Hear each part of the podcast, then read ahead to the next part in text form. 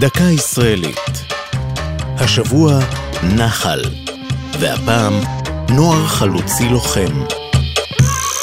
את המונח נחל, נוער חלוצי לוחם, טבע דוד בן גוריון במכתב שבו אישר הקמת מסגרת המשך צבאית לגרעיני ההתיישבות של תנועות הנוער.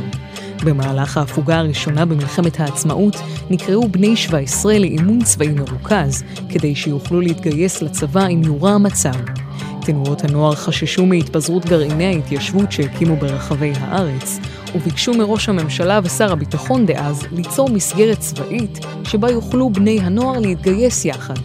בקיץ 1950 עלו לקרקע חברי קבוצת אל-ניר, שאוחדה מגרעיני עולים שהצטרפו לתנועות הנוער הציוניות והקימו קיבוץ מול מובלעת קלקיליה, בין כפר סבא לקיבוץ רמת הכובש.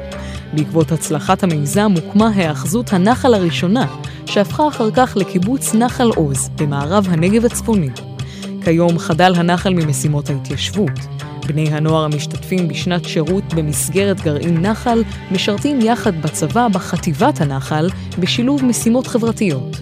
חלקם מתגייסים לגדוד 50 של הנחל ואחרים ליחידת קרקל.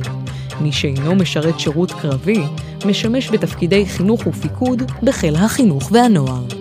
זו הייתה דקה ישראלית על נחל ונוער חלוצי לוחם. כתבה עמליה נוימן, ייעוץ הפרופסור אניטה שפירא, עורך ליאור פרידמן.